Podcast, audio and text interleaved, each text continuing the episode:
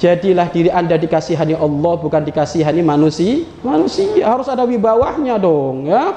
Harus ada wibawah wibawahnya. Karena kalau sudah ada wibawahnya Bapak Ibu, itulah martabat agama perlu dijaga, dijaga. Jangan sampai para santri khususnya santri ini, ya, santri diundang, masya Allah Pak Ustadz, saya di, diundang orang kaya raya Pak Ustadz, masya Allah lantainya kayak kayak laut.